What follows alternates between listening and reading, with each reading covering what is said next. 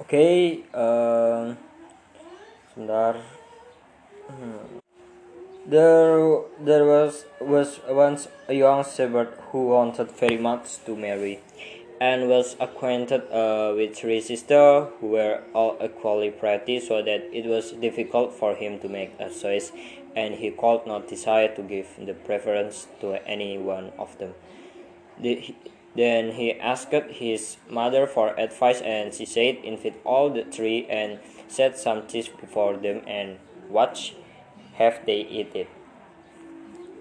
it they all did so. The first swallow uh, the cheese with the ring on. Uh, the second hastily cut the ring off the cheese, but she cut it so quickly that she left much good cheese with it, and threw that away also. The third uh, peeled the rind off carefully and cut neither too much nor too little.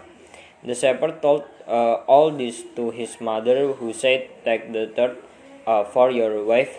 Uh, this he did and live uh, contentedly and happily with her. Jadi aku habis baca cerita anak bahasa Inggris di cer di ceritaanak.org. Terima kasih.